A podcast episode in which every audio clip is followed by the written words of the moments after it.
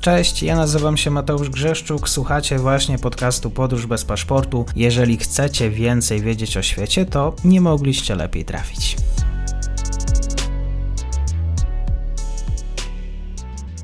Dobry wieczór, dzień dobry wszystkim słuchaczom. Ze mną już jest znany Państwu ambasador Krzysztof Płomiński. Będziemy dzisiaj rozmawiać o Bliskim Wschodzie. Dzień dobry. Kłaniam się, dzień dobry. Arabscy przywódcy w Algierii zgromadzili się, żeby znaleźć e, wspólną płaszczyznę w kwestiach, które dzielą region. E, oczywiście mowa o 31. szczycie największej dorocznej konferencji arabskiej. Panie ambasadorze, co dzisiaj właściwie dzieli kraje arabskie najbardziej? Myślę, że najprostszą odpowiedzią byłoby, że wszystko albo prawie wszystko.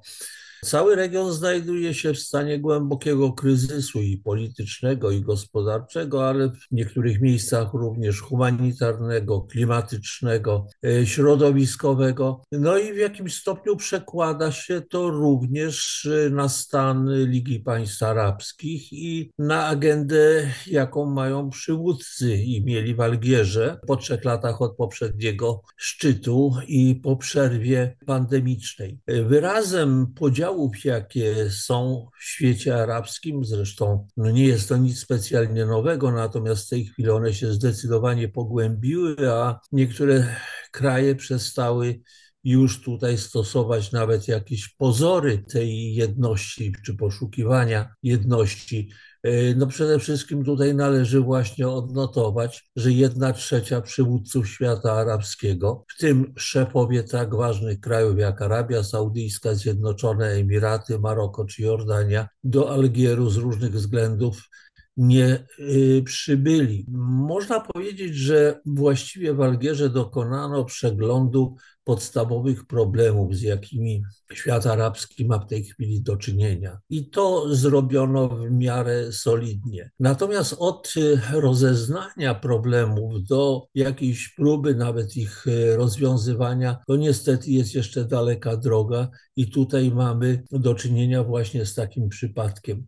Ja y, to oceniam, że szczyt arabski był dopełnieniem pewnego rytuału wynikającego z karty Ligi Państw Arabskich, no i po prostu kolejny szczyt został przeprowadzony. E, można też powiedzieć, że dyplomacja algierska, która podnosi się z pewnego kryzysu po dłuższym okresie choroby poprzedniego e, prezydenta, która w dużym stopniu paraliżowała politykę algierską i po wielkich protestach, które miały miejsce w tym kraju, w tej chwili Algieria e, odzyskuje swoje miejsce na e, arenie i międzynarodowej, i arabskiej. Sprzyja temu również też posiadanie potężnych zasobów gazu naturalnego, który w warunkach rosyjskiej agresji na Ukrainę i jej konsekwencji odgrywa coraz e, większe znaczenie, a więc Algierczycy starali się, żeby ten szczyt w miarę możliwości dobrze przygotować, również pod kątem kwestii palestyńskiej, z której zresztą nie na pierwszym szczycie ale Algierczycy starali się zrobić y, kwestię zasadniczą, najważniejszą. Poniekąd im się udało, ale i tutaj praktycznie rzecz biorąc nie za bardzo była szansa, żeby wyjść poza pewne deklaracje, z których bodaj najważniejsza to powtórzenie zabiegów Ligi Arabskiej o doprowadzenie do uzyskania przez Palestynę e, statusu członka Organizacji Narodów Zjednoczonych. Pozostałe problemy, one zostały omówione, znalazły miejsce w deklaracji.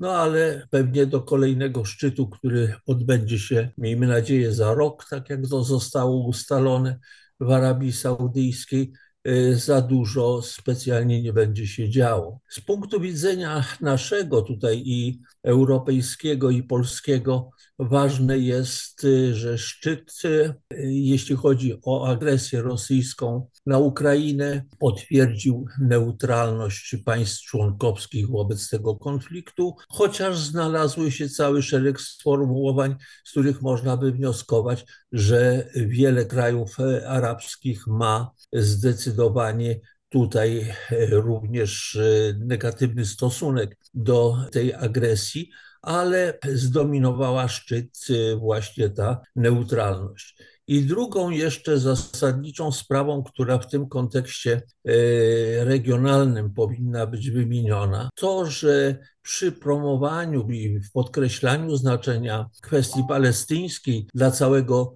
regionu, jednocześnie i równolegle odbywa się proces zacieśniania relacji między częścią krajów arabskich e, a Izraelem w ramach e, porozumień Abrahama, które no, od ostatniego szczytu, czy to już zostały po, e, po, po, po tym ostatnim szczycie uzgodnione, przyniosły rzeczywiście ogromne zmiany na Bliskim Wschodzie jeśli chodzi o współpracę przede wszystkim Izrael, Zjednoczone Emiraty Arabskie, ale także Bahrein, Maroko, które y, no, zresztą nie posiada w tej chwili stosunków dyplomatycznych z Algierią, z gospodarzami konferencji ze względu na e, konflikt i nieporozumienia między tymi krajami związane ze statusem z e, Sahary Zachodniej, z czym też zresztą porozumienia Abrahama się łączą. Panie ambasadorze, zaraz Mistrzostwa Świata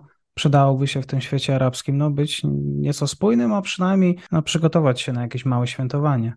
E, na pewno piłka nożna, która nie wchodzi w zakres kompetencji Ligi Państw Arabskich, jest jednak czynnikiem jednoczącym na całym, w całym, całym tym regionie, ale też niektóre kraje i poza regionem i w regionie no, nie kibicują z pełnym sercem Katarowi. Także święto świętem, natomiast problemy pozostają i tych problemów nie będzie ubywało.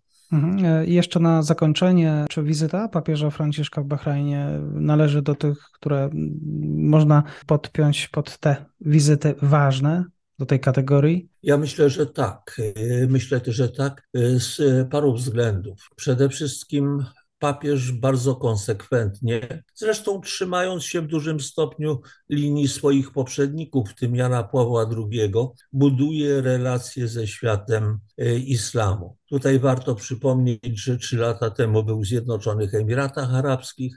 To była pierwsza na Półwyspie wizyta papieża.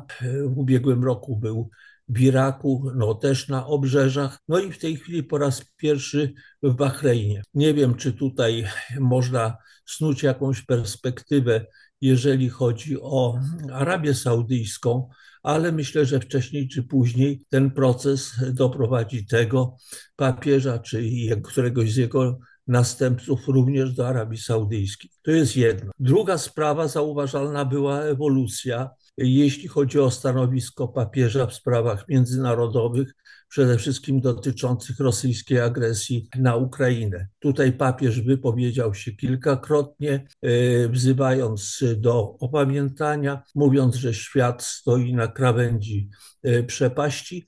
I jedną z konsekwencji tego podejścia była deklaracja króla Bahreinu o gotowości mediacji e, w konflikcie między Moskwą a Kijowem. Kolejna sprawa, również też wyraz pewnej odwagi papieża, to e, upomnienie się o prawa człowieka mm, w Bahreinie, o e, prawa również chrześcijan, e, pracowników zagranicznych, przeciwko karze śmierci, czyli cały szereg postulatów co do których obserwatorzy przed tą wizytą zastanawiali się, czy papież je podejmie. Tutaj papież je, je podjął. Myślę również, że jednym z najważniejszych elementów tego procesu, o którym mówimy, czyli relacji z krajami Półwyspu Arabskiego, jest również uświadamianie sobie przez te kraje własnej, odległej, ale bardzo silnej e, tożsamości e, chrześcijańskiej.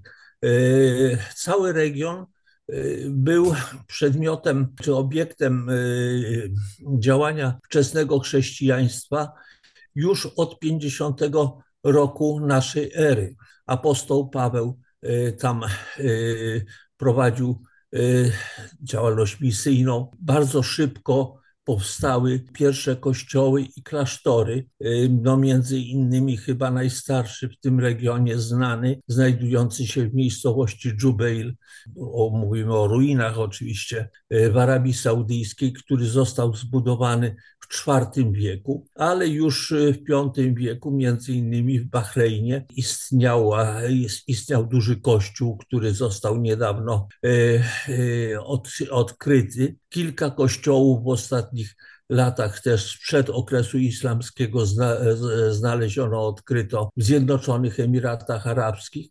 Wszystko to jest jakimś elementem takim budowy pewnej i tolerancji i elementem takiego pogłębionego dialogu między chrześcijaństwem a islamem, e, którego no, w tym bardzo skonfliktowanym, niebezpiecznym świecie, w którym mamy raczej do czynienia z eskalacją niż poszukiwaniem porozumienia, trzeba odnotować, trzeba oddać tutaj zarówno szacunek papieżowi, jak i jego hmm, arabskim e, rozmówcom. Tak jest. Ambasador Krzysztof Płomiński dzisiaj w komentarzu z Bliskiego Wschodu. Panie ambasadorze, bardzo dziękuję. Ja również serdecznie dziękuję, panie Mateuszu. Pozdrawiam. No i powodzenia. To już koniec na dzisiaj. Zapraszam na profil podcastu Podróż bez paszportu na Facebooku, Instagramie i Twitterze. Zachęcam też do wsparcia mojej pracy na serwisie Patronite oraz Buy Coffee. Do usłyszenia.